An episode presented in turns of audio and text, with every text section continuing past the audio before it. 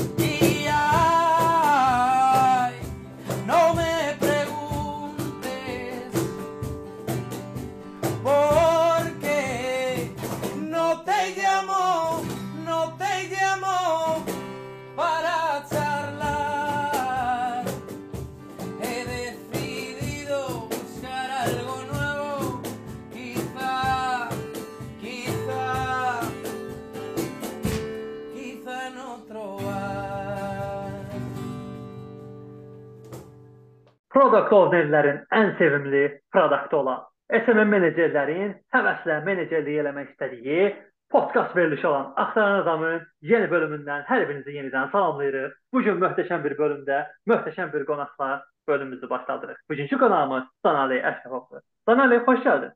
Hoş gördük sizi Müzəffər bəy. Necəsən? Necə? Çox sağ ol. Sən necəsən? Keyfin əhvalın? Mən möhtəşəməm. Özümü çox möhtəşəm hiss edirəm ki, belə möhtəşəm bir girişlə podkasta başladıq, enerjili. Əla. Demək, bu gün çox maraqlı suallarımız, çox maraqlı mövzularımız var və vaxt itirmədən başlayaq. Elə ən başdan qonağımızı tanıyaq. Sanali, sən tanıyaq. Sanali Əşrəfov kimdir? Canəli Əşrəfov kimdir? Əvvəla çox sağ ol Müzəffər, dəvət elədin. Səninlə ilk tanışdığımız, tanış olduğumuz dövrdə sənin belə istiqamətlərini gördüm. Hətta bu podkastın introsunu falan bir yanımda hazırlamışdın, yadıma gəlir. o standart. Aa. Hə, Bəli, elə dövrlərdən keçmişik. Çox sağ olun dəvət etdin. Hazırda dinləyən dostum, çox sağ ol ki, bizi dinləyirsən. Biz çalışacağıq ki, sənə faydalı bir şey qataq. Ona görə də özüm haqqında məlumat verim. Adım Canəldir, 24 yaşım var. Dövlət Neft Sənaye Universitetində təhsil almışam, Azidə. Təhsilim ərzində çox bir şey qazanmayıb, sonradan həmin universitet illərimi möhtəşəm tələfi eləmək üçün üzərimdə 3x, 5x sürətlə çalışmış bir adamam. Bir neçə sahədə fəaliyyət göstərmişəm həmişə. İndinin özündə də əvvəla rəqəmsal marketinqdən başlamışam fəaliyyətə. Xırda-xırda özüm heç bir mentor, heç bir öyrədici olmadan sadəcə tətbiq edərək praktika üzərində öyrənməyə başlamışam. Öyrəndikcə istiqaməti genişləndirib B2B satış, B2B marketinqin daha dərinliklərinə girməyə başlamışam və intern olaraq başladığım şirkətdə daha sonra satış və də marketinq departamentinin rəhbəri olmuşam. Özüm çoxlu insanlar yetişdirmişəm. Yeni internlər yetişdirmişəm. Onlar indi hazırda fərqli-fərqli yerlərdə çalışırlar. Daha sonra başqa bir rəqəmsal marketinq agentliyi açılanda işə aparacaq bir rəhbər şəxs lazım olduğuna görə və bacarıqlarım da daha əvvəl gördüyüm işlərdən nəticələr verdiyinə görə təklif aldım ki, icraçı direktor olaraq rəqəmsal marketinq agentliyində CDM agency-də hazırda çalışdığım yerdə çalışmaq, işləmək təklifi aldım. Hazırda icraçı direktoram, amma mənim fəaliyyətim həmişə developerlərlə çox yaxından olub, çünki e, proqramlaşdırma şirkətində çalışmışam. Müzəffər məsəl tanıdığım ilk proqramçılardan biri olub deyə bilərəm. Çünki yadıma gəlir ilk gün gəldim, tanış oldum və Müzəffər dedi ki, burada əyləşə bilərsən, gəl elə mənlə üzbəüz otur, bütün gün deyə gülə-gülə işləyərik. Dedim, "Mən burada nəsə var."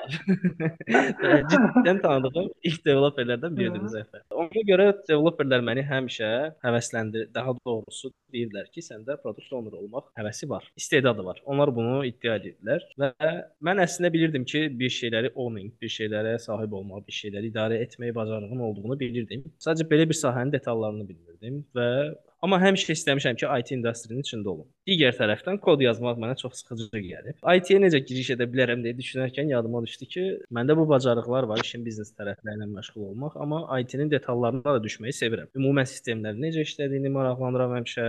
Kod necə bilir ki, hər hansı bir hadisə necə baş verir, necə qərar verir, bunları həmişə araşdırırdım. Amma kod yazmaqdan qaçırdım, kod öyrənməkdən qaçırdım. Ona görə də qərar verdim produkt owner olaraq fərqli istiqamətlərdə özümü inkişaf etdirim. İki fərqli kursa getdim. Sonuncusu ABB Tech-də oldu, ABB Tech Akademiyada. Bu təcrübələrdən sonra qərar verdim ki, bəli, mən artıq PO olaraq fəaliyyət göstərə bilərəm. Startaplarda çalışmağa başladım, fərqli yerlərdə PO dəstəyi verirdim. İndi də e, Unique-də startaplara mentorluq edirəm.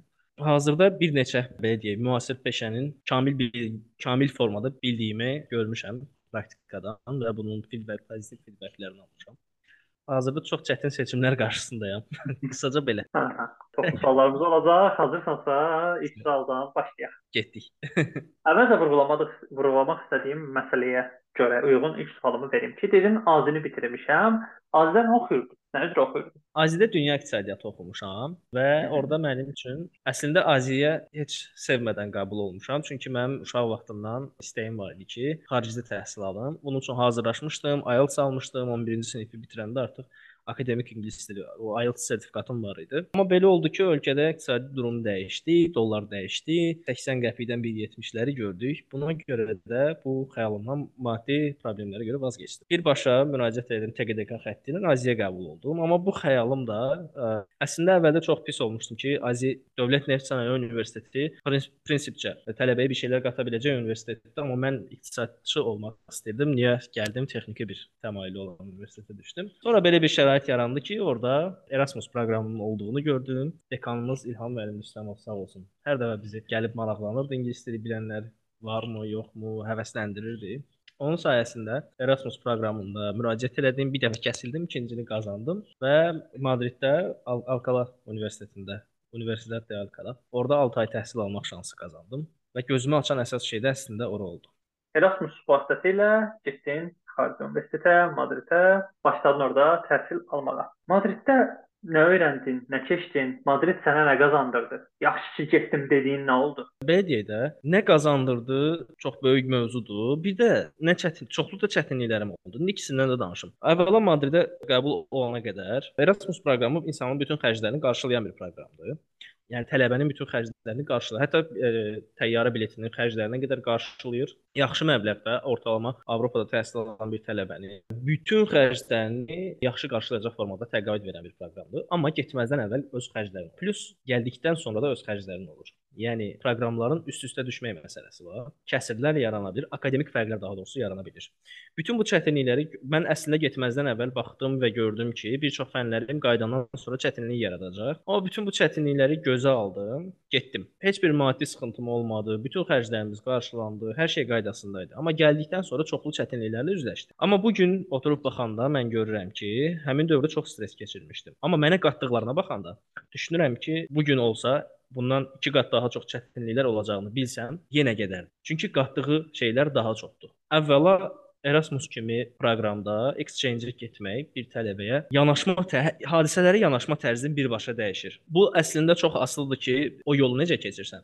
Misal üçün biz viza almaq üçün Ankaraya getməli idik. Azərbaycanın səfirliyi yoxdur və biz e, həmin universitetdə ilk təhsil alan tələbələr idik. İkinci bizim universitetdən ikinci mən idim, Azərbaycandan da ikinci mən idim səhv etmirəmsə. Erasmusla İspaniyaya ə, həmin universitetə viza alıb gedən tələbələrdən. Daha sonra bizlə bir yerdə Banımın da Ali Neft Məktəbindən də 6 tələbə var idi. Biz hər bir şeyi özümüz tapdıq. Çünki heç bir konkret qayda yox idi viza necə almaq Adicə viza almaq üçün bizim kalan bir xeyli həm vəsaitimiz getdi. Türkiyəyə get, qayıt, təzədən bir də get vizanı al. Bu yollarda adam insan özünü o qədər inkişaf etdirir ki, hələ mən avtobusla getdim, 30 saatlıq bir yolu avtobusla getdim və telefonda bir mahnı var idi. Dərslikdən mahnı yox, telefonda bir mahnı var idi, bir kitabım var idi. Kitabı da oxudum, mahnıya da bir 200 dəfə qulaq asdım və o yolda düşünərək artıq dəyişiklik avtobusa, o səyahətə başladığın ilk dövrdən dəyişir. Çünki səyahətdə sənin çoxlu internetsiz qaldığın, çoxlu bir tələbə olaraq çoxlu düşünməyə vaxtın olur. Və bu müsbət istiqamətdəsən axı, müsbət pozitiv yolu götürmüsən. Hı -hı. O pozitiv yolda insan özünə çox çoxlu suallar verir. Okay, başladım, amma nə olacaq? Nə edəcəm? Nələr edə bilərəm? Birinci məsələ, yəni insanın hadisələrə yanaşması dəyişir. İkinci məsələ həyat tərzinə dair görüşlərin dəyişir. Yəni işin hələ ki fəlsəfəsində idi. Həyat tərzinə dair görüşlərin dəyişir ki, Bəli, Avropada belə bir həyat tərzi var. İnsanlar qayğıları çox minimal formada, minimal qayğılarla yaşaya bilirlər. Deməli bu mümkündür. Deməli mən bunu növbəti həyatımda da tətbiq edə bilərəm. Bu tipli yanaşma tərzləri dəyişir. Daha sonra da təhsildə yanaşma tərzi dəyişir. Orada görürsən ki, universitetlər daha moderndir. Tələbələrin həyata yanaşması necədir? Tələbələr özlərini daha rahat hiss edirlər. Tələbələr daha professional formada işləyirlər dərslər üzərində. Bizim kimi imtahandan imtahan oxumurlar, yəni. bu tipli şeylər dəyişirdi. Professorların dərsə yanaşması fərqli idi. Professorların tələbəyə yanaşması fərqli idi. Bu tipli şeylər insanın vizyonunu, insanın görüş tərzini inkişaf elətdirən mövzular. Əsas mənə qatılan şeylər bu oldu. Düzdür, təhsil aldım. Orda yəni 4-5 fənnim var idi. 4 fənnim var idi və kifayət qədər də vaxtım olurdu dərslərimə hazırlaşmağa da. Evim düz universitetin yanında yerləşdiyi üçün rahat idi. Şəhər çox sakit, çox rahat şəhər idi. Buna görə də, yəni yeni həyata dair gözləmlər eləməyə, həyatı izləməyə, insanları gözləmləməyə çoxlu vaxtım olurdu. Ümumən bax qatdığı şeylər bunlardır mənim üçün. Həm təhsilə yanaşmamı, həm öyrənməyə yanaşmamı, həm həyata yanaşmamı dəyişdi. Baxış bucağımı dəyişdi və çoxlu çevrəmi inkişaf elətdirdi. Daha keyfiyyətli insanlar, yəni öz üzərin özünü daha yaxşı yetişdirmiş insanlarla tanış olma şansı qazandırdı. Madriddən gəldik, keçdik, universitet bitdi. Sən artıq özünü yeni sahələrdə sınamağa başladın. Burada əsas İlk danışmaq istədiyim məsələ rəqəmsal marketinq. Rəqəmsal marketinq haqqında işlər eləməyə başladın, öyrənməyə başladın. Birinci, elə ilk sual. Rəqəmsal marketinq deyəndə nə nəzərdə tutulur? Rəqəmsal marketinq nədir? Rəqəmsal marketinq marketinqin müasir bir formasıdır. Haradakı insanlar insanlar ilə, brendlər ilə daha doğrusu, brendlərin və yaxud brendləşmə yolunda olan şirkətlərin öz auditoriyası ilə kommunikasiyasının fərqli rəqəmsal platformalar üzərində aparılmasıdır. Qısaca və yaxud ən sadə formada desək, bundan ibarətdir ki, hər bir brend, hər bir şirkət özünə müəyyən kütlə qazanmış, öz potensial müştəriləri ilə kommunikasiya eləmək, öz dəyərlərini, öz məhsulları haqqında, öz xidmətlərini insanlara çatdırmaq istəyən şirkətlər auditoriyası ilə marketinq vasitəsilə yəni bu biznes anlayışının yarandığı ilk dövrlərdən beri olub ki, marketinq vasitəsilə insanlarla kommunikasiya ediblər. Rəqəmsal marketinq isə bu kommunikasiyanın rəqəmsal kanallar üzərində, rəqəmsal platformalar üzərində həyata keçirilməsidir. Bunun da öz tərkibində hissələri var ki, sosial media marketinq bunun bir hissəsidir, SMM bunun bir hissəsidir. Aha.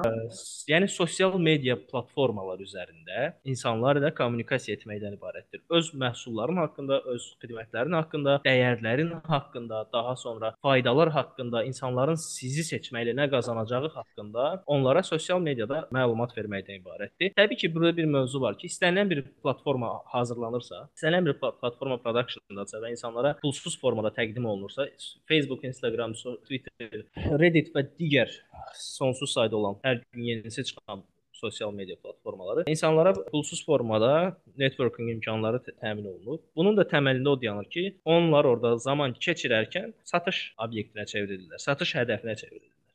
Artıq burada işin təkcə kommunikasiyadan çıxıb, həmçinin ödənişli formada reklamların önə gəlməsi məsələsi gündəmə çıxır ki, artıq şirkətlərə də şərait yaradılır ki, ödənişli formada özlərini daha çox kütləyə çatdıra bilsinlər. Bunun eynisi tətbiq olunur rəqəmsal marketinqin digər hissələrinə. Search engine optimization düzdür bu ödənişli formada deyil. Search engine optimization tərəfi var, e, axtarış mühərrikləri üçün optimallaşdırma. Həmçinin digər platformalar var. Google-un və yaxud Yandex-in, Microsoft Bing-in təqdim etdiyi digər platformalar var ki, search insanların yenə də bu bu platformalarda pulsuz platformalardır heç bir ödəniş Google-da axtarış üçün heç bir ödəniş tələb olunmur. Əvəzində bizim maraqlarımız, bizim datamız, şəxsi datamız toplanır Google-un serverlərində və bu maraqlara uyğun bizə reklamlar göstərilir. Banerlərdə axtarış etdiyimiz zaman bizim Gmail-imizin promotions bölməsinə reklamlar göstərilir. Gmail-imizin və Microsoft Mail-imizin və s ağla gələ biləcək, mümkün ola biləcək hər bir yerdə üçüncü bir tərəf xidməti provide edən tərəfdir, xidməti təmin edən tərəfdir, digər tərəf fizik istifadəçi və üçüncü tərəf şirkətlərə bir imkan yaradılır ki, ödənişli və ya ödənişsiz formada insanların qarşısına öz xidmətlərini təqdim edə bilsinlər. Burada da ehtiyac yaranır rəqəmsal marketinq mütəxəssislərinə. Yəni insanların düzgün insanları tapmaq, düzgün kontentlə, düzgün yazı ilə, kontent ilə və yaxud vizual ilə onlara müraciət eləmək, yekunda onların onlarda müəyyən məlumatları almaq. Yəni interaction yaratmaq, engagement yaratmaq. Onlar ilə qarşılıqlı formada kommunikasiyaya başlamaq. Artıq təkcə onlara göstərmək yox, həm də onlardan cavab almaq. Bu rəqəmsal marketinqin mənim tabirimcə qısa özətidir. qısa özətidir. Bu qısa özətdən də biz nə qədər suallar çıxartdıq. Onda mən bu birinci dediyim məsələdə bir-iki nöqtəyə mən toxunmaq istəyirəm. Bu tip sosial şəbəkələr ya da platformalar bizim şəxsi datalarımızı deməyək də daha çox maraqlarımızı satır. Düzdür, maraq bizim şəxsi datamızdır. Mən nəyi xoşlayıram ya da kimə azarkeş edirəm, bu mənim şəxsi datamdır. Hı? Amma bu mənim marağımdır. Yəni onun satış bucağı maraqdır. Müzəffər nə ilə maraqlanır? Ona hansı reklamı çıxartsam, o reklama bəli. klikləyər. Amma yəni, şəxsi maraqla, bəli, maraqlarımızı satır, amma bunu biz ümumi danışırıq da. Sosial Hı -hı. platformalar həm də bizim əslində şəxsi datamızı da satır. Misal üçün job title-a görə targeting imkanı var. Yəni Müzəffər Paşazadə öz profilində qeyd edibsə ki, mən Android developerəm və mən Canəli sırf mobil proqramçılar üçün nəsə satıramsa, mən orada artıq target edə bilirəm ki, job title-ı mobil developer olan. Daha sonra biraz da aşağı düşürəm, double targeting edirəm, yazıram ki, job title həm mobil proqramlaşdırma və mobillərin də içində Android developer olanları. Artıq bu şəxsi datadır. Yəni burada o qədər növ data var ki, bizim maraqlarımızdan çox həm də şəxsi yaş qruplarımız məsəl üçün bu bizim şəxsi datamızdır, bizim cins, cins bizim şəxsi yaş, datamızdır. Bəli, cins, yaş, ölkə, location. Hər biri bizim əslində şəxsi məlumatlarımızdır. Hətta bunu LinkedIn e, kimi bir platforma daha da irəli aparır və deyir ki, burada bir neçə qat targeting eləyib deyə bilərik ki, atıram əvvəllər misal üçün əvvəllər, əvvəllər mobil developer kimi işləyib, indi e, backend developer kimi işləyən, əvvəl Kapital Bankda işləyib indi Paşa Banka keçmiş olan, keçmiş olan bu tipli Aha. E, targetinqləri də edə bilirik və əsas şəxsi datamızdan biri bizim gəzməyimizdir. Bizim visited place-dir ki, biz bir pin qoyuruq və deyirik ki, bu pinin bu nöqtənin tutaq ki 50 mil radiusunu, radiusuna gəlmiş və ya burada yaşayan insanları tap göstər. Bu tipli imkanlar artıq şəxsi dataya girir. Amma düzdür, ümumən maraqlarımız da var. Yəni fərqli, orada fərqli kateqoriyalara bölüb bizim yekunda bizim məlumatımızdır. Yekunda bizə aid olan məlumatlardır ki, onun əsasında. Tamam, maraqlar niyə dedim burada? Maraqları niyə vurğu elədim? O axtarır 20-30 yaş arası kişi olsun, Azərbaycanda yaşasın mobil proqramçı olsun. Nə edəcək? Kurs reklamı göstərəcək ya da hansısa kompüter reklamı göstərəcək. E, göstərəcəyi şey yenə də şəxsi maraqdır. Yəni mənim kompüterlə maraqlanmağım və mənim yəni birbaşa onun alıcısı olma ehtimalıma uyğun olaraq. Bəli, yəni o şey bəli. mənim marağıma girəcəyi üçün. Bəli. Eynən, eynən, eynən. Düzdür. Bir də işin digər tərəfi var ki, işin daha tabu deməyək, daha şəxsiləşmiş bir forması var ki, tracking kodlar vasitəsilə bizim Facebookda keçid Facebook üzərindən keçid etdiyimiz veb-saytlar, mənim şəhər Müzəffərin podkastının reklamını görsəz, Facebook, Instagram və digər hər bir platformada bu podkastı görsəz və reklama klikləsəniz, həmin veb-sayta getsəniz, artıq Facebook sizi tutdu. LinkedIn sizi tutdu, Instagram sizi tutdu. Bu tracking kodlar vasitəsilə bir auditoriya yaradırıq. Bunu Pixel Facebook Pixel eləyir və s. Bir auditoriya yaradıq ki, son 1 ay ərzində bu sayta girmiş, bu saytın bəlirli bir bölməsinə qədər gəlmiş insanlara retargeting edib yenidən reklam göstərə bilirik. Burada artıq şəxsinin daha dibidir. Yəni şəxsinin ən professional formasıdır ki, şəxsi məlumatlarımız birbaşa bizim maraqlarımız, birbaşa bizim maraq deməyək, birbaşa bizim ə, e, şəxsi fəaliyyətimiz artıq izlənilir və bu düzdür. Heç kəs bilmir ki, burada heç bir tərəf bilmir ki, nə reklamı göstərən tərəf, nə də Facebookun özü belə bəzən bilmir. Özləri də bunu encryption eləyib databazasında saxlayırlar. Hətta özləri belə bilmirlər. Amma faktiki olaraq e, intellekt, yəni alqoritm bundan xəbərdardır ki, son 1 ayda biz Müzəffərin bloquna girmişik. Müzəffər biz retarget edəndə, əgər bizə nəsə satmağa çalışırsa, içində bir kitab satmağa çalışırsa, kitabı al, kitabın kart səhifəsinə qədər gəlib alışı tamamlamamışıqsa, bizə yenidən reklam göstərib, fərqli bir kontent yaradıb, niyə almadın, nə, nə xoşuna gəlmədi. Bu tipli bir duyğu sömürgəsi edib yenidən bizə nəsə satmağa çalışa bilər. Düz. İndi bayaq danışdıqlarımızın ikinci hissəsi Google dedik ki, targeting Google Gmail üzərində bu datalar saxlanılır, search arxivi saxlanılır və siz özünüz ümumiyyətlə advertising targeting hissəsinə də girib öz şəxsi Gmailinizdən, e, hesabınızdan baxa bilirsiniz ki, mənə hansı tip advertisementlər göstərilir. Hətta orada şey yarada da bilərsiniz. Yox, bu uje mənə maraqlı deyil, bu mənə maraqlıdır, açıb bağlaya da bilərsiniz. Editing işi də görə bilərsiniz. Bəli, biz çox hallarda bu user behavior-dan asılıdır. Əvvəllər bu yox idi. Əvvəllər belə bir şey yox idi, amma o var idi ki, burada artıq işin PO tərəfi gəlir də. Dataya Google bu yığdığı datanı müəyyən formada analiz edir, mining edir və görür ki, çoxlu insanlar gördükləri, bəzi insanlar gördükləri reklamdan məmnun olmurlar. Niyə dalbadal misal üçün mən kitab reklamı qızıl, görürəm. bəli, kitab o deməyə mən niyə zinət əşyaları reklamı görürəm? Haçansa hansısa bir zinət əşyası postuna daha detallı baxdığım üçün o mənim ekranımda 3 saniyədən çox qaldığına görə, amma bu məni qane eləmir. Mən bu bu reklamı report edəndə alqoritm avtomatik bu reklamın reklama dair bəzi qərarlar verməyə başlayır və delivery azalır. Delivery azaldığına görə Google və yaxud Facebook daha az qazanmağa başlayırlar. Çünki artıq onların müştərisi pul xərcləməməyə başlayır. Yaxşı, burada datanı analiz edən mütəxəssis görür ki, okey, belə bir option yaratmalıyıq insanlar üçün ki, onlar özləri öz maraqlarını seçsinlər. Axı Aha. bir çox insan var ki, bir şey almağa qərar verəndə artıq bəlkə də eşitmisiniz, gir birinə bax, onsuz da qabağına çıxacaq. Bu məşhur bir sözdür axırda. Mən çox eşidirəm bunu ki, gir bir səhifəyə bax, onsuz da özü qabağına çıxardacaq, tapacaqsan. Məsəl üçün 14 fevrala hədiyyə axtaranda girirsən birinə baxırsan, sonra yeni ilə dair hədiyyə axtaranda girirsən birinə baxırsan, bir 10 gün əvvəlcədən. Mən arxayınam. Çıxıram Instagramdan və qərar vermirəm. Bilirəm ki, o 10 gün ərzində, 5 gün ərzində mənə nəsə faydalı bir şey gəlib çıxacaq qabağıma. Həqiqətən də elə olur. Yəni əslində insanlar indiki dövrdə o qədər insan davranışı dəyişir, sosial media insanların davranışını dəyişir. Artıq axtarmamaq qədər bir rahatlığımız var ki, artıq biz də insan olaraq başa istifadəçi olaraq hamımız başa düşürük ki, aha, deməli sosial media belə işləyir. Birinə baxsam onsuz da mənə uyğun bir şeylər, fərqli versiyalar, alternativlər göstərəcək. Yəni bu əslində insanlar bunu sevirlər. Sadəcə olaraq kontrollu formada, sadəcə idarə olunan formada öz öz reklamları idarə etmə imkanı veriləndə tamam e, tamamilə faydalı bir hala gəlir. Artıq üç tərəf də burada məmnundur. Həm e, platformanın sahibi, platforma özü məmnundur ki, gəlir qazanır, həm sahibkar məmnundur ki, məhsulu satılır, həm də istifadəçi məm məmnundur ki, lazım olan şeyi buradan tapa bilər. Hı -hı. Yəni mən e, nəyə görə dedim? Öz şəxsi Google datalarınızı editləmək. Məsəl üçün, misal üçün mən telefon axtarıram, ancaq telefon reklamları çıxır. Artıq seçdiyim telefonu alandan sonra girib onu söndürürəm ki, daha mən telefon reklamı çıxartmadan boş yerə. Bəli, Aldım da. Eyni, eyni. Görmək istəmirəm. Ürəyim bulanır. Fikrimi dəyişdirmə də. X markasını almışam. Artıq Y markasını tərifləmə.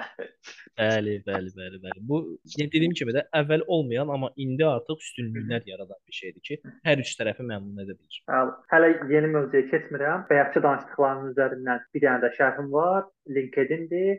LinkedIn-də necə ki, insanlar əvvəl bu yerdə işləyib, indi bu yerdə işləyir. Onun siyahısını al deyiriksə, bunu sadəcə rekruter işə götürənlər yox, biznes yox, bir dəqiqə fərdi şəxslər kimi də mən özüm şəxsi hesabımla giriş edib yuxarıda axtarışa Android developer yazacağam. Evet. İnsanları seçəcəm. Köhnə iş yerini, yeni iş yerini seçmə imkanım var. Aktiv hal-hazırda işlədiyi yeri seçə bilirəm. Keçmişdə işlədiyi yeri seçə bilirəm. Location, başqa bir neçə filtrlər seçə bilirəm. Da artıq yaş cins yox, da daha belə genel ümumi seçib onu uyğun kimlərinki profil açıq profillərdir, ödənişsiz profillərdir, onların siyahısını götürə bilir. Yəni mənim ən xoşuma gələn şey yeni bir şəhərə köçəndə o şəhərdəki Android developerləri axtarmaq. Açıram, o şəhəri seçirəm, Android developer seçirəm, hamısına dostluq göndərirəm ki, görüm kimdən tanış olub görüşə bilərəm. Bəli, bəli. LinkedIn-də. Bu eyni eyni taktika satışda tətbiq olunur. Ə, hər hansı burada bilirsən ki, təkcə həm də industriya görə vermək olur da. Məsəl orada sən people seçdin, özünə lazım olan. Ha, sahəyə görə. Hı -hı. Amma burada industriyaya görə axtara bilirik ki, məsəl üçün mənim satdığım məhsul deyək ki, fintechə aiddir, maliyyə şirkətləri üçün yaxşı təklifim var. O zaman mən industriyaya görə, şirkətə görə filtr verirəm və maliyyə şirkətlərinin rəhbər şəxslərinin siyahısını ala bilirəm. Hə, hara qədər ala bilirəm? Bu özü bir yaxşı sualdır. Çünki Hı -hı. artıq burada LinkedIn-in də öz maraqları var ki, mən bu servisi insanlara pulsuz təmin edirəm istifadəçilərə, amma sən burdan biznes məqsədinə istifadə edirsənsə, premium membership al. Onda daha çox imkanlar olur ki, istədiyim şəxsə mesaj yaza bilirəm, istədiyim şəxsə birbaşa satış edə bilirəm LinkedIn üzərində. Yəni eyni şeyi sənin dediyin taktikanı burada da tətbiq eləmək olar. Çünki bizim bütün hərəkətlərimiz ekranda hansı kontenti gördüyümüz, hansına 1 saniyə, hansına 0.5 saniyə baxıb scroll elədiyimiz, hansının ə, şəkili yaxınlaşdırıb baxdığımız Şəkili uzaqlaşdırandan sonra mətni oxuduğumuz bu tip datalar bu cürə detallı şəkildə onların databazasında saxlanılır deyə artıq burada reklamın məqsədindən asılı olaraq fərqli növ insanlara fərqli növ reklamlar göstərilir. Məsələn, reklamların növü var ki, brand awareness reklamı qoyuruqsa, markanın tanınmasını istəyirik. O bu sosial media hardan bilir? O bizim hərəkətlərimizi izləyir. Görür ki, biz gördüyümüz kontenti orada more hissəsi var. See more-a basıb mətni də oxuyuruq. Aha, deməli qərar verir ki, biz gördüyümüz kontentlərlə dərindən maraqlanan insanları. Deməli mənə uyğun reklamdır və brend awareness-dir. Mənim qabağıma hər hansısa bir yeni brendin reklamı çıxarsa, mən o brendlə maraqlanacağam. O see more düyməsinə 10 postun 7-sində, 5-də o see more düyməsinə baxıb mətni oxuyuramsa, deməli mənə brend awareness, marka bilinirliyi reklamı çıxarmaq yaxşıdır. Çox maraqlı bir dənə deməli Netflix documentation var. Social Dilemma. Maraqlanan şəxslərə baxmağı şiddətli formada məsləhət görürəm. Əla. Social Dilemma. Hı, Burada bir qeyd edəcək. Bu kimi bölüm ərzində olacaq məsləhətlərimizi, deyəcəyimiz, məsləhət bildiyimiz linkləri bölüm description hissəsində əl çatan olacaq sizin üçün, dinləyicilərimiz üçün.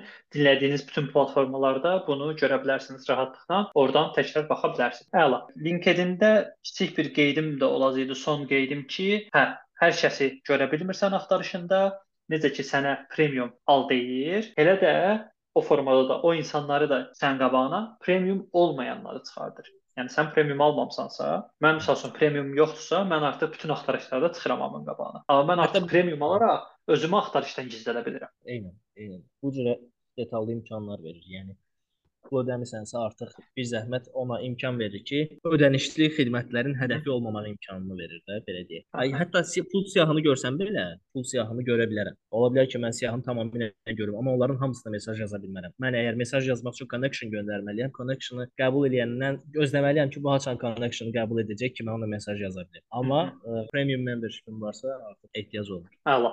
Danışacağımız suallarımız çoxdur. Biz çox önəmli mövzulardan danışdıq, amma məndə bir sual qaldı burada. Biz bu işləri danışdıq. Bunun belə eləyirlər, onu elə eləyirlər, belə bu proses gedir və s. Amma indi bizim dinləyicilərimiz arasında tələbələr, yeni-yeni bu işlərə baş qoşmaq istəyənlər ola bilər. Bu korporativ bu sahəyə necə giriş edə bilərlər? Hardan başlaya bilərlər? Belə bir кейs var ki, yəni komfort zonasından çıxmaq lazımdır. Gündə bəlkə də çox yerdə işlədiyimiz bir şeydir ki, komfort zonasından çıxmaq. Amma komfort zonasından necə çıxmaq? Bildiyin adam özünü işə salmalıdır. Bildiyin oturduğun yerdə özünü işə salmalısan. Başqa bir halda əks halda bu heç kəs, yəni heç kəs deməyək, amma əksər hallarda insan hətta öz komfortunu pozmayacaq qədər tənbəlləşir bir də görsən. İstəmədən fərqində olmadan şuuraltı formada buna davam edir. Yəni bilirik ki, bir şeyə başlasaq özümüzü normal zibilə belə salacağıq, amma bunu eləmək lazımdır. Necə ki mən deyirəm ki, əvvəldə dedim ki, çətinlikləri olur, akademik fərqlər, maddi xərclər və s. Bir dəfə bu yola, bir dəfə bu çətinlikləri üstələnməyə həvəslənmiş, niyyətlənmiş adam artıq çıxış yollarını da özü bilir. Yəni qısaca öz təcrübəmdən deyirəm. Mən bilirdim ki, Bakıya qayıdanda çoxlu akademik fərqlərim olacaq və bu akademik fərqlər səhər smenləri ilə bir yerdə alt qruplara girə bilirəm. Amma eyni vaxtda da mənim səhər smeni praktikam. Oturub universitetin qabağında Madriddə qara-qara düşünürdüm ki, mən nə edeyim? Ki, bir təcrübə yeri tapım özümə. Artıq özüm özümü işə salmışdım deyə, özüm öz başıma iş açmışdım deyə, bunun davamını gətirmək mənə uğuru qazandıran əsas şey oldu. Yəni hazır deyildim, amma start when you are not ready də, yəni haçan hazır deyilsənsə onda başlamalısan. Oturub gözləsən ki, haçansa məhsuldar şərait düşəcək və mən başlayacağam bir yerdən Bu heç vaxt olmayacaq. Özün özünü şuurlu formada çətinliyə salmalısan ki, o inkişaf baş versin. Və Ona görə də məcburiyyət qarşısında bilirdim ki, mən haçansa təcrübə proqramına gedəcəm, korporativdə bir yerə başlayacağam, amma bu qədər tez olacağını təxmin eləmirdim. O o, o həminki ağlımla. Məcbur başladım elə Madriddə ikən özümə e, təcrübə yeri axtarmağa. Rastlaşdım ki, bəli, Microsoft şirkətində marketinq təcrübəçi axtarırlar. Nə gözəl. Düşündüm ki, möhtəşəm bir şansdır. IT dövrün peşəsidir, IT dövrün sahəsidir IT industri. Gedəcəm IT sahəsində orada çoxlu marketinq mütəxəssisləri olacaq və orada özümü inkişaf elətdirəcəm. Təcrübəli insanlarla işləyəcəm. Və iş taleyi belə gətirdi ki, başladığım vaxtda orada mənə öyrədə biləcək çox az adam var. Bu ona məcbur elədi ki, özüm search eləməyə başladım. Nə yaxşı ki, bir beynəlxalq dil bilirsən ki, bir ingilis dili bilməyin çoxlu limitsiz sayda bir resursa çatmağa imkan verir və özüm araşdırıb məcburiyyət yenə də orada özüm özümü işə saldım. İşə saldığıma görə özümə iş yeri tapmalı oldum və iş yeri tapdıqdan sonra da özümü yenidən çətinliyə saldığıma görə daha çox yük götürüb daha yaxşı öyrənməyə başladım. Daha yaxşı tətbiq eləməyə başladım. Yəni durmadan öz başınıza iş açın ki, mənim fikrimcə durmadan öz başına iş aç ki, ola bilər ki, şuur altında tənbəllik olsun, Amma o tənbəlliyi üstələmək üçün durmadan özünə iş açmalısan ki, yenə inkişaf edəsən. Bax bu əsas sənin korporativə girişdə istiqamətin olmalıdır ki, işə başlayanda. Hansısa bir motivasiya tapmaq lazımdır ki, və ya hansısa bir hədəf tapmaq lazımdır ki,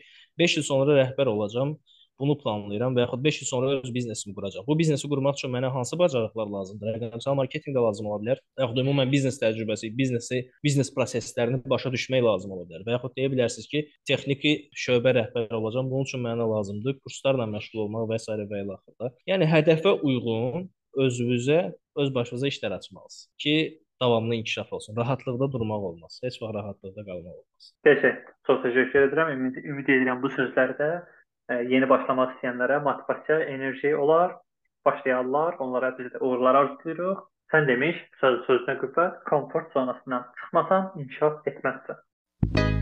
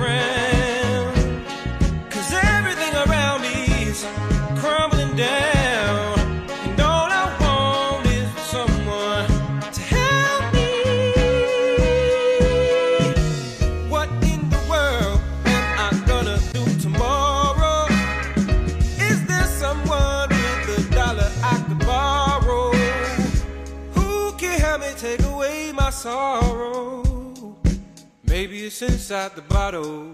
Maybe it's inside the bottle. I had some good old buddies. myself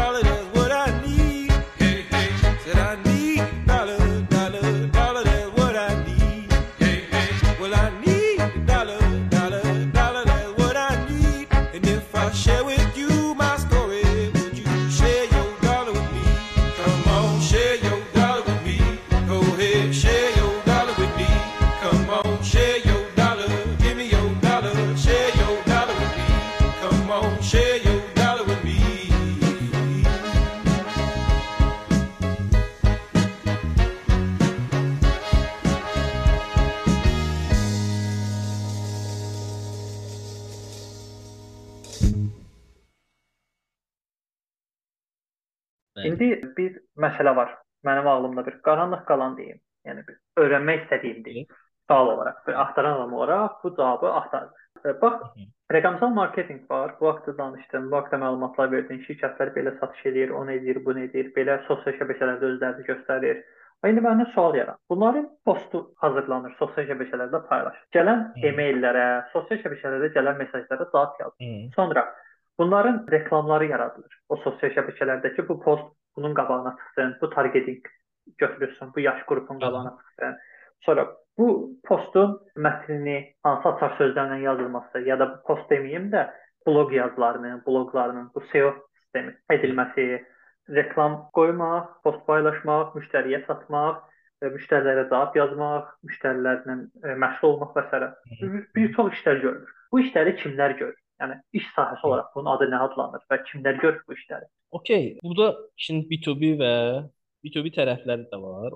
Orada girəcəm. Hı -hı. Belə ümumən deyim ki, əvvəlcə gəl rollardan danışım. Rollar hələ, rollar o yerdədir ki, bu işləri yekuna çatdıran, yekun nəticəyə çatmaq üçün fərqli insanlar iştirak edir və fərqli titlelar verilir. Fərqli, yəni necə deyirlər ona, vəzifələr, fərqli vəzifə adları qoyulur. Bu hətta indinin özündə belə Azərbaycanda çox xaotik bir vəziyyət, çox deməyək, amma xaotik bir vəziyyət hökm sürür ki, hansı vəzifənin hansı işləri icra etməli olduğu tez-tez dəyişir beynəlxalqda da və Azərbaycana gəlib çatana qədər də fərqli formalara düşür, aydın məsələdir ki. Ümumən desək, ümumən desək, adi sosial media postunu götürsək, paylaşımını. Bir paylaşıma hansı resursların, hansı insanların işləməsi o kontentin növündən asılıdır.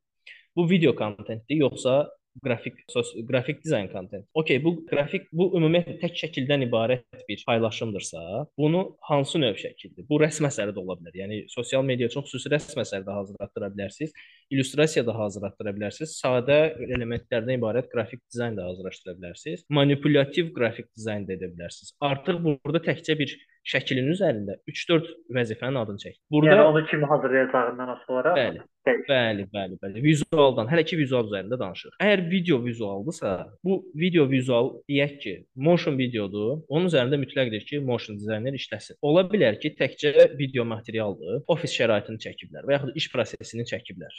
Bunu da çəkən adam ayrıdır, videoqraf çəkəcək. Sonra edit ya özü editləyəcək, həm edit bacaran videoqrafdır və yaxud da ki, video editor onu editləyəcək. Yox, əgər desək ki, məhsulun şəklidir, burada artıq məhsulun şəklini çəkən adi fotoqraf kifayət eləmir. Artıq xüsusi ixtisaslaşmış adamlara müraciət olunur ki, əgər bu məsəl üçün restorandırsa, food fotoqraf lazımdır. Geyimdirsə, artıq daha çox produktlar üzərinə fokuslanmış bir insan lazımdır. Yenə də əksər hallarda fotoqraflar hamısını bacara bilirlər.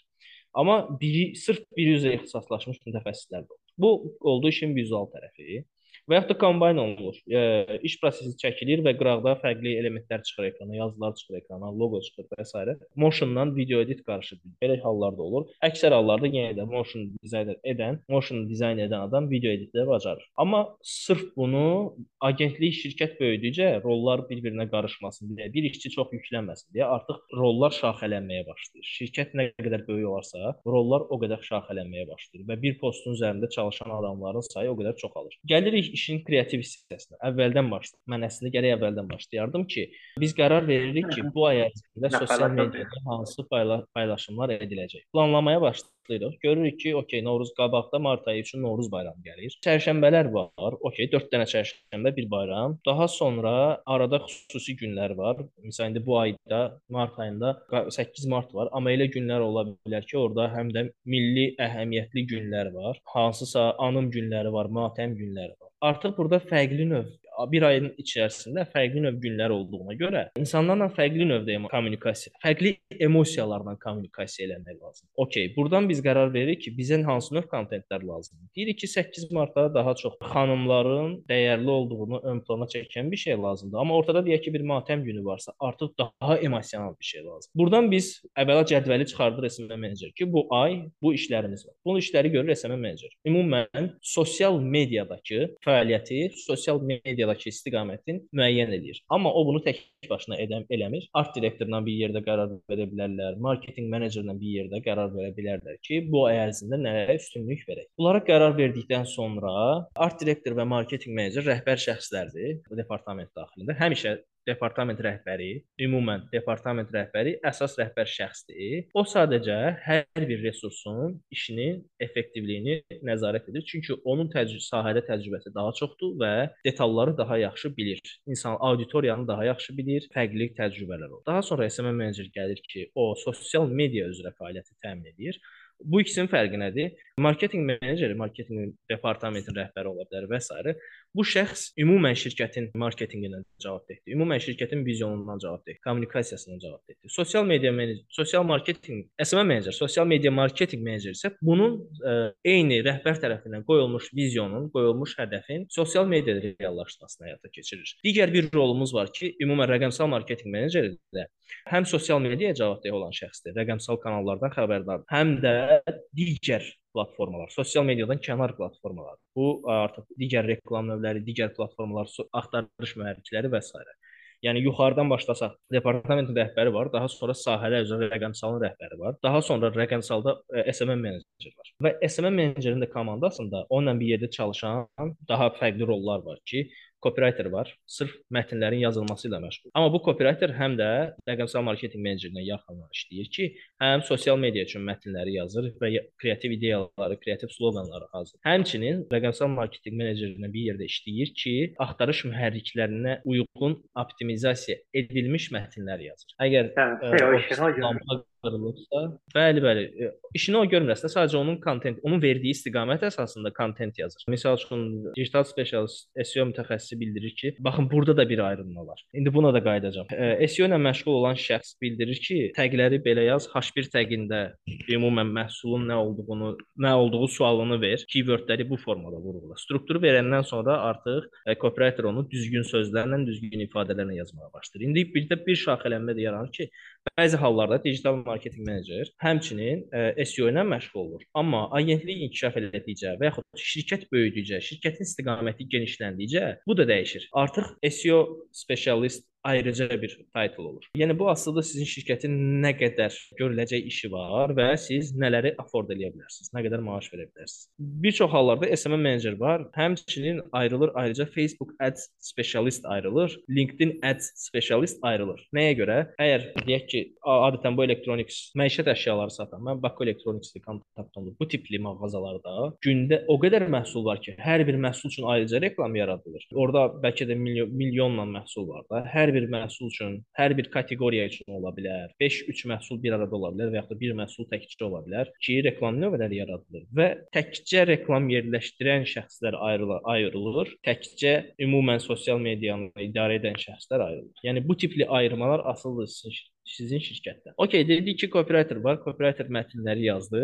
Sonra gəlir işin vizual tərəfi. Hər bir ümumiyyətlə post vizual və mətn olmaqla iki hissədən ibarət olur da həmişə. Vizual diqqəti cəlb edir. Ümumi bilinən bir düstur var ki, marketinqdə diqqəti cəlb et. Daha sonra success storylərdən danış, problemlərdən və solutionlardan danış və sonda call to action. Hər bir halda bütün proseslər bu düsturun üzərində gedir. Bu düsturu da diqqəti cəlb etmək üçün əsas məsələ vizualdır. Bu videoya girişdə ola bilər. Video girişdə elə bir səs effekti ola bilər ki, elə bir sadə nöqtə, bir dənə notdan ibarət musiqi ola bilər ki, insanın diqqətini cəlb edəcək. Daha sonra növbət ondan sonrası axı növ e, prosesin axışından ibarətdir. Əgər bu sadə şəkildən ibarət postdursa, şəkil diqqət çəkici olmalıdır. Okay, SMM menecer necə bir post gördüyünə dair brifi hazırlayır. Amma O brifi hazırlamazdan əvvəl art direktorla müzakirə edir. Art direktor adətən incəsənət təcrübəsi olan, incəsənət Azərbaycanda incəsənət universitetini bitirmiş şəxslər olur. Bir çox əvvəllər incəsənətlə məşğul olmuş və yaxud hazırda incəsənət fəaliyyətini davam etdirən şəxslər burada iştirak edirlər bu qərarların verilməsində. Mövzu nədən ibarətdir? Vizualizasiyanı necə həyata keçirək? İşin daha çox incəsənət tərəfidir. İşin daha çox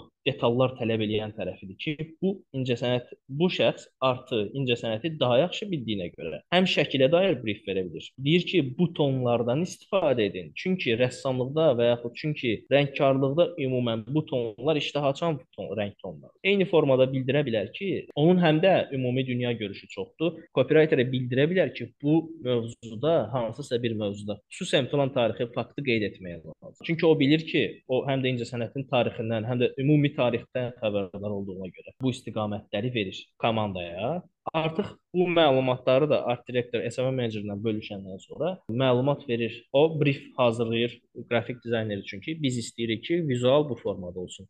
Kənardan bir əl çıxsın, ortadan bir maşın keçsin, nə hər bir şey ola bilər də. Hı -hı. Bizim bütün Azərbaycanın bildiyi bir brief var da, tort olsun, qabağında Ford olsun və s. Bu əslində verilmiş ən gözəl brieflərdən biridir Azərbaycan marketinq tarixində ki, adam xırda-xırda izah edir özü. Bu olsun, bax bu olsun, filan şey istəyirəm. Nə gözəl də izah edir və onun o brief əsasında çoxlu şirniyyat sexləri öz reklamını elədilər. Həmin briefin eynisini hazırladılar. Çünki detallı brief idi. Çünki yaxşı brief idi. Amma bir də bəzi hallar olur ki, müştəri nə istədiyini bilmir. İndi bu agentliklərdə baş verir də. Bir var şirkətin in-house komandası, bir də var ə, outsource komanda. İndi B2B tərəfləri demişdim əvvəldə, bilməm yadınızdadır yoxsa yox, çox danışmışam. Aha. Demişdim işin B2B tərəfindən də danışacağam. Burada agentliklərdə şişmiş bir neçə və onlar da müştəriyə xidmət göstərən tərəfləri var. Orada müştəri Ora, ora keçməmişdən, ora keçməmişdən o zaman sualı belə qoyaq ki, B2B marketinq nədir, B2B satış nədir? Gözəl. B2B marketinq və B2B satışın ən qısa izahı odur ki, siz bir qapıdan içəri girmək istəyirsiniz. Sizin satış menecerləriniz o qapını döyürlər, döyürlər, döyürlər. Fərqli formada. Əvvəlcə 2 dənə vurub qaçırlar, gözləyirlər qapı açılsın. Sonra gedirlər qapını uzun formada döyürlər. Sonra qapıda yanıb qışqırırlar, çağırırlar. Ay müzəffər, bu B2B satışdır ki, biz məcburən o qapıdan içəri girməyə çalışırıq. B2B marketinq nə edir? Öz qapısını açır. Deyir ki, buyurun, burada çox gözəl imkanlar var. Sizin üçün faydalı imkanlar var. Bu qapıdan içəri girsəz, sizin biznesiniz dəyişəcək. Bax bu B2B marketinqin izahıdır. İkisi də bu o demək deyil ki, biri o birisindən üstündür. İkisi də bir-birindən qarşılıqlı əlaqədə olan sahələrdir. Yəni bu işin kobud izahı idi. Əsas izah bundan ibarətdir ki, yəni B2B marketinqdə biz insanları cəlb edirik öz şirkətimizə, digər şirkətləri, business to business, biz digər şirkətləri öz şirkətimizə cəlb edirik. B2B satışda da mahiyyət eynidir. Digər şirkətləri öz şirkətimizə cəlb edirik. Amma B2B marketinqdə digər şirkətlərin əsas rəhbər şəxsləri özləri bizi görür, seçir və müraciət edir. B2B satışda isə bizim təyin etdiyimiz satış menecerləri fərqli kanallar istifadə eləməklə onlara çıxırlar. Onlarla əlaqə saxlayırlar ki, salam, mən gördüm sizin şirkətiniz bu sahədə fəaliyyət göstərir, amma çətin mən düşünürəm ki, sizin belə bir çətinliyiniz ola bilər. Ona görə də bu xidmətimiz sizi sürətləndirəcək. Faydaları bundan ibarətdir. Şişirdirik, qəşəng formada ona təqdim edirik. Bax B2B marketinq və satış burada ayrılır. Belə. Onda mən suallarım çoxdur, ona görə də istəyirəm növbəti sual atlayım. Demək bayaq belə bir məlumat verdin ki, inter, özün intern olaraq başlamısan, yetişmisən, böyümüsən. İndi internlər yet. Internlərdə nə öyrədirsən? 3 sualım. Internlərdə nə öyrədirsən? İnternlərə nə öyrədirəm? İntern əvvəla niyə lazım olur? Ona görə lazım olur ki, bəzi işlər var ki, əvvəllər çətin idi, əvvəllər yeni qurulurdu, amma artıq qurulub, iş öz relsinə oturub və öz istiqamətində gedir. Mən bu iş bu işi görmək mənim üçün çox sadə bir şeydir və o mənim zamanımı alır. Amma mən bilirəm ki, sektorda bəzi, sektorda çoxlu yeni başlayan şəxslər var ki, onların həm həvəsi var, həm də öyrənmək istəyir. Bu sadə task, mənim e, hər gün elədiyim bu sadə task, onlar üçün öyrədici bir şeydir. Onlara da faydası var. Beləliklə mən intern vakansiyası müəyyən edirəm ki, komandaya yeni bir əməkdaş, yeni bir intern gəlsin və başlasın bu sadə işləri görməyə, həm özü öyrənsin, həm də mənə fayda versin. Həm də ona maaş veririk, təbii ki, öz xərclərini qarşılamaq üçün müəyyən dəstək göstərir. Nə ola bilər? Araşdırma eləmək, bazar araşdırmasını eləmək, nə mənada raw, raw materialı, raw datanı toplamaq. Daha sonra perspektivləri mümkün lead generation ola bilər ki, lead generation'ın, yəni leadləri toplamaqda kömək olsun. Sonra mənlə bir yerdə verify eləsin hansı lazımdır, ha. Lead deyəndə, yəni əlaqədar şəxslərin nömrələri, e-mailləri, onların telefonları və s. Marketinqdə nə olur? Çox üzr istəyirəm. Yəni burada əsas şey getdi, B2B satışla, marketinqlə məşğul olan internlər. Bəli, bəli, eynən, eynən. Əgər o marketinqdədirsə, marketinqə uyğun tasklar verir. Əgər dizayndadsa, ona dizayna uyğun tasklar verəcəyik. Məsələn, yeni ola bilər ki, qrafik dizayner yeni bitirib ə, kursu. Biz bilirik ki, o işləmək istəyir, amma o özü də bilir ki, birbaşa işə başlaması bir çox hallarda çətin ola bilər, çünki real sektor təcrübəsi yoxdur. Biz onu işə götürürük təcrübəçi kimi və təcrübəçiyə bildiririk ki, əsas qrafik dizaynerlərin qrafik dizaynerlərə kömək etməlidir kiçik tasklar üzrə, hansısa faylda, hansısa materiallarda günlük hazırlanan materiallar var ki, onlar artıq hər gün hazırlanır. Onun template-i də var. Sadəcə içəridəki bəzi kontentlər dəyişir. Hə. Bunu açmaq, onu editləmək əsas qrafik dizaynerin vaxtını almasın və o daha ciddi işlərlə məşğul olub şirkətə daha çox fayda versin deyə həmin şəxsi xırda tasklardan ayırıb daha mürəkkəb mürəkkəb işlərə istiqamətləndirdik. Çünki o özü də əgər inkişafa meylli şəxsdirsə, belə xırda tasklardan becəcək. Özünü də həm özü özünü inkişaf edə bilər. Daha sadə tasklar isə, relsinə oturmuş tasklar isə veririk intern əməkdaşa. O özü də öyrənir, özünü inkişaf elətdirir, həm də bizə fayda verir, həm də özü maddi qazanc əldə edir burada. Dövr keçir, intern müddəti bitir. Biz görürük ki, o get-gedə, get-gedə həvəslidir, ambisiyalı işlərə girişir, artıq özü müraciət edir, senior dizaynerə ki, middle dizaynerə ki, mənə iş verin də, mən bekar qalmışam. Burada özü öz dilindən bəlaya düşür, ağır bir taskı götürür və inkişaf edir. Yekunda o özünü təsdiqləyir professional dizayner kimi. Artıq junior və yaxud middle specialist kimi işə başlayır. Birbaşa middle olmaz, junior specialist kimi artıq işə başlayır. Aha. Onda bir dənə sual verim. Sizdə hal-hazırda neçə dənə intern var? Hazırda yoxdur. Amma onu deyə bilərəm ki, onu deyə bilərəm ki, bu gün mənim komandamda olan 6-7 nəfərin hər biri internlə başlamış şəxslərdir. Hər biri öz şirkətimizdə yetişmiş şəxslərdir. Digər kənardan o demək deyil, biz təkcə internlə e, işləyirik. Amma bu gün hamısı middle specialistlər, middle var, junior var da. Hı -hı. Və hər biri komanda daxilində yetişmiş şəxslər özümüzdə öyrənib, şirkətin iş prinsiplərini öyrənib, çox da ham hər birindən çox da razı olduğumuz şəxslərdir. Yaxşı, bu dedin bizim şirkətdə. Bu Hı. icraçı direktor olduğu şirkətdir. Bəli, bəli, bəli, icraçı direktor olduğum şirkət. Adını təkrar səsləndirə bilərsiniz zəhmət olmasa. CDMA Agency, Certified Digital Marketing Experts. Yəni sertifikasiyalı rəqəmsal marketinq mütəxəssisləri. Bəli, əziz dinləyicilərimiz, şirkətin adını da eşitdiniz gedin canlarının yaxasına yapışın ki, mən həvəsim var, intern kimi hə. məni işə götür. Gəlsinlər, gəlsinlər. Aha, bu məlumatı verəndən sonra mən istəyirəm artıq. Sən bax Müzəffər, burada da özümə iş açdım. Özümə çətinlik yarattım. yeni intern indi gələcəklər. Yeni internlərə yeni işlər vermək üçün gərək mənim indi yeni müştərilərin olsun, çoxlu yeni, bəli, gördün özümü işə saldım. Bu inkişaf olacaq şey. Uğur olsun sənə. İndi bugünkü podkastımızın sonuncu mövzusuna keçək. Sən dedin ki, product owner kimi istedadların olduğunu gördün, marağın olduğunu gördün, hətta getdin 2 dənə kurs bitirdin, e, hətta bu sahədə startaplara artıq dəstək eləyirsən. Onda sual belə yanır. Product owner Nədir? Nə işə baxır? Kimlərə product owner deyilir? Product owner məhsulun life cycle-ından cavabdeh şəxsdir. Bütöv life cycle-dan cavabdeh bir şəxsdir. Məhsulun hərfi tərcüməsi məhsul sahibidir. Bu Azərbaycanda və dünyada yeni yaranmış ixtisasdır. Mahiyyəti ondan ibarətdir ki, böyük korporasiyaların daxilində yaradılacaq əsasən rəqəmsal məhsulların, rəqəmsal məhsulun yekun ərsəyə çatmasından, yəni MVP formasında bazara çıxmasından, həmçinin davamlı uğurundan cavabdeh olan şəxsdir şəxslərdir. Məhsul sahibi əlində lazımlı resursları toplayaraq, lazımlı resursları bir araya gətirərək bazar tələbinə uyğun yekun məhsul ərsəyə gətirən şəxsdir. Məhsul sahibi elə bir şəxsdir ki, o öz məhsulu ilə yaşayır. Öz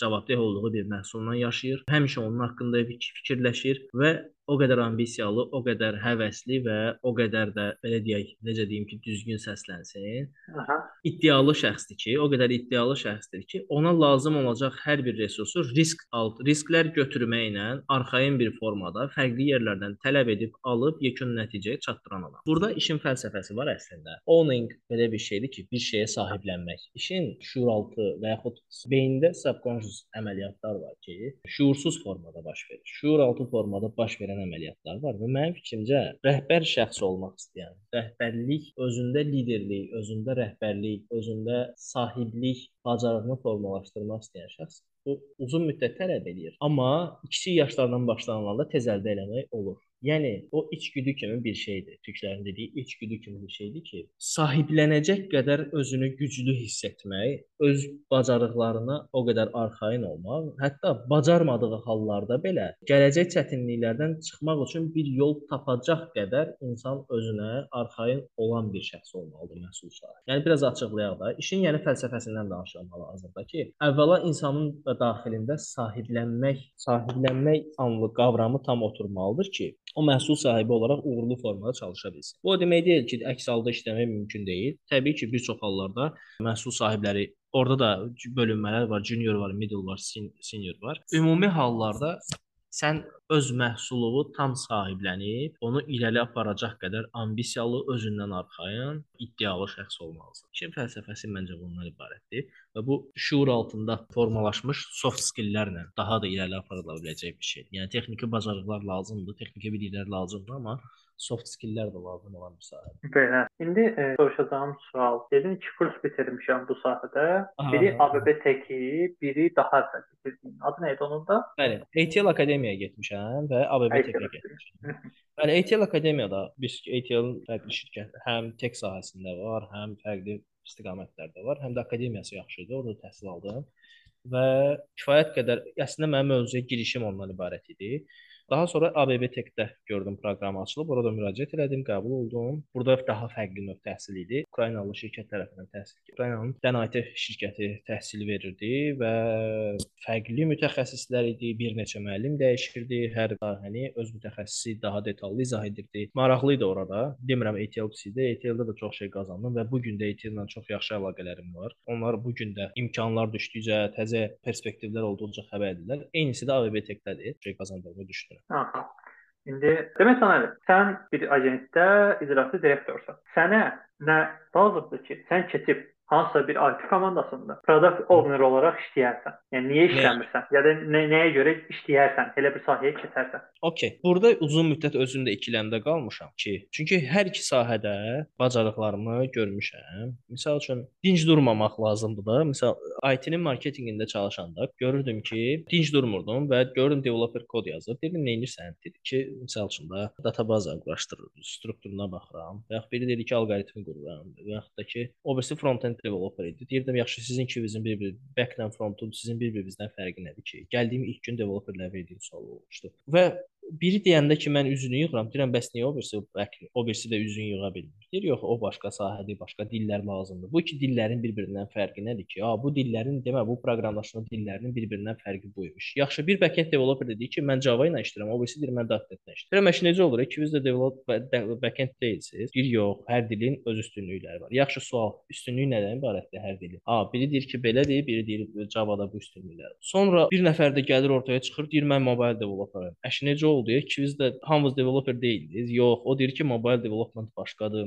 Yəni dinc durmadan çoxlu suallar verdikcə sahə üzrə çoxlu texniki biliklər qazanırsan və görsən ki, artıq müştəriyə satış eləməyə çalışanda, müştəri sual verdikcə, müştəri öz layihəsindən, öz istədiyi layihədən danışdıqca, onun artıq onun proyektinin kimlərin işləyəcəyi öz beynində canlanır sənin satış meneceri olaraq. Və yaxud da bloqu yazanda bilirsən ki, hazırda mən yazıram back-enddən backend haqqında yazıram və bilirəm ki, bu işi və yaxud da yazıram mobil proqramlaşdırmadan bilirəm ki, Android-i müzəffərləşdirəcək. Və bu tipli yanaşma adama imkan yaradır ki, adama şərait yaradır ki, sənin beynində artıq team management fikirləri formalaşsın. Daha sonra biraz da ciddi suallar verdikcə gördüm ki, mən artıq IT-yə dair çox məlumatdan xəbərdaram və gördüm ki, bir PO-ya da kod yazmaq lazım deyil. Sadəcə o həm biznesdən, həm də koddan, yəni texniki tərəflərdən xəbərdaram. IT tərəfindən, yəni, aha. IT tərəfindən, bəli, texniki tərəflərdən xəbərdar olmalıdır. Həm də işin biznesini bilməlidir, marketini bilməlidir, salesını bilməlidir. On, o lazım olanda marketinq departamentinə müraciət edib də bizə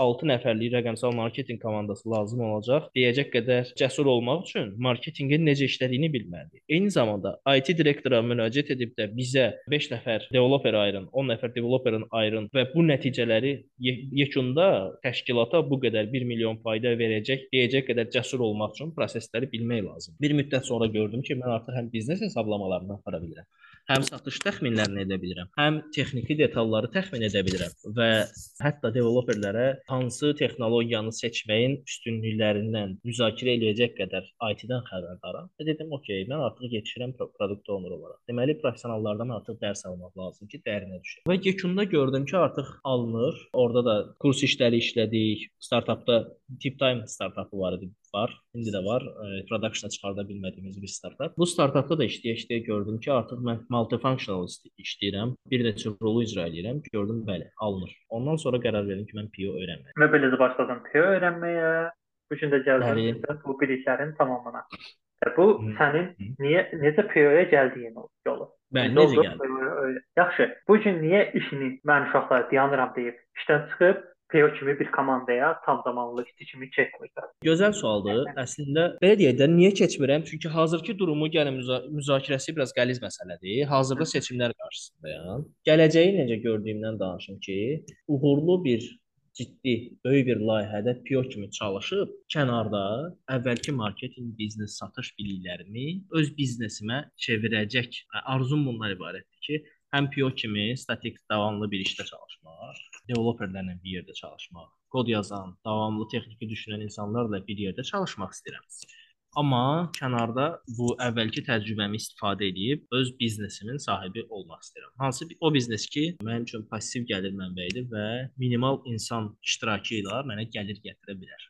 Amma hazırda niyə etmirəm? Bəli, hazırda təkliflər olur, dəyərləndirirəm. Hansısa bir hallara görə razılaşmıram, hansısa bir hallara görə onlar mənə bəyənmirlər. Keçid eləmək özü çətin bir prosesdir. Çünki sizin mənim üçün şəxsən özümün 4 il, 5 il 4 il tamamilə fərqli bir sahədə təcrübəm var və artıq keçid prosesində məni seçən insanlara da çətinlik yaradır. Yəni, hazırda amma dəyişməyi düşünürəm belə. Belə. Çox təşəkkür edirəm. Ümumiyyətlə bütün bölüm üçün sizə təşəkkür edirəm. Bütün cavablar üçün təşəkkür edirəm. Mən təşəkkür edirəm dəvət etdiyiniz üçün Müzəffər. Çox da çox Çox sağ olun. Ümid edirəm dinləyən hər kəsə maraqlı olmuşdur. Növbəti bölümlərdə görüşənədək axtaran adamla qalın, sual verin, cavablar axtarın və yeniliklərə qatın. Özünüzə yaxşı baxın. Növbəti bölümlərdə görüşənədək. Hələlik. I'm like Beethoven with the bass on it. Mid class kids went pop. Deaf to the hater won't stop. Let's talk key scales won't drop. You don't even need a scale to know I'm on top. Me and Mozart got bars, you got bops. Heard you Tiffany, a whole symphony. You a me, but go off. Or making masterpieces for you, or at least it's gonna hit like rump bum bum. Y'all to me like the symphony. Your career's done dun dun dun. I'm like Beethoven with the bass on it. Ain't have to spit to make bops. Made the opera pop when that's over drops. Singing like na na na na na na na na. Drop centuries ago and still on. Presidential drip from G. Washington. Shout out to him, the wick strong. If you think of playing me, you need major keys. Still minor leagues, you ain't brawn. This Mozart in that one chord, now he wants smoke, so it's on. Call me dramatic, guess they ain't wrong. Definitely hating, faking, that's law. That classical brings that capital, I just cop Napoleon once. Riding with my stallion and I'm gone. Got my hands to mama, gives some grades come. Gotta get the plague to be sick as us. 99 problems, my pitch ain't one. You ain't toe to toe with Tovin. The next Johan call me Tupac. Constitutional drip on him. I'm Major G, watch your tone here. You're candlelit, I'm sun glowing. I ain't got the time, message picture prime, just to get the bars fly on them. Ten dollars a show, I'm rolling. The Mozart comes at me with a diss track. Got quick hands, I can really get his wig snatched. No friend, no key battle, you can risk that. Opera smoke by the bot, make you sit back, uh. All the bad madams writing show love. I'm a big player, more ways than one. When I drop my stick, it hits cause I'm dumb. With the bass on it. Mid class kids that went pop. Deaf to the hater won't stop. Let's talk key scales, won't drop. You don't even need a scale to know I'm on top. Me and Mozart bars, you got pops. Heard you Tiffany, a whole symphony. You a me, but go off. Or make a masterpiece for you, or at least it's gonna hit like rump bum bum. Y'all fit to me like the symphony. Your career's done dun dun.